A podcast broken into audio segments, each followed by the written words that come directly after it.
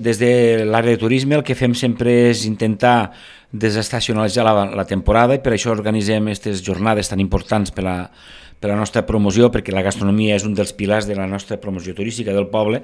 eh, fora de temporada turística, eh, començant la temporada al, amb les jornades de la galera, de la tonyina, dels fideus rossejats, i ara, passat temporada, doncs, mos ve la, aquestes jornades, les dotzenes ja, del peix de llotja i de l'arrossejat, i la 37a diada de l'arrossejat. Sempre i quan, sempre ho fem fora de temporada, doncs perquè no, representa que a l'estiu doncs, els restaurants ja tenen molta activitat, al poble ja hi ha activitat, ja hi ha afluència important de turistes, i doncs, bueno, que un, un dels objectius principals de l'àrea de turisme és estar desestacionalitzada, no? organitzar actes fora de temporada quan la temporada doncs, és més fluixa.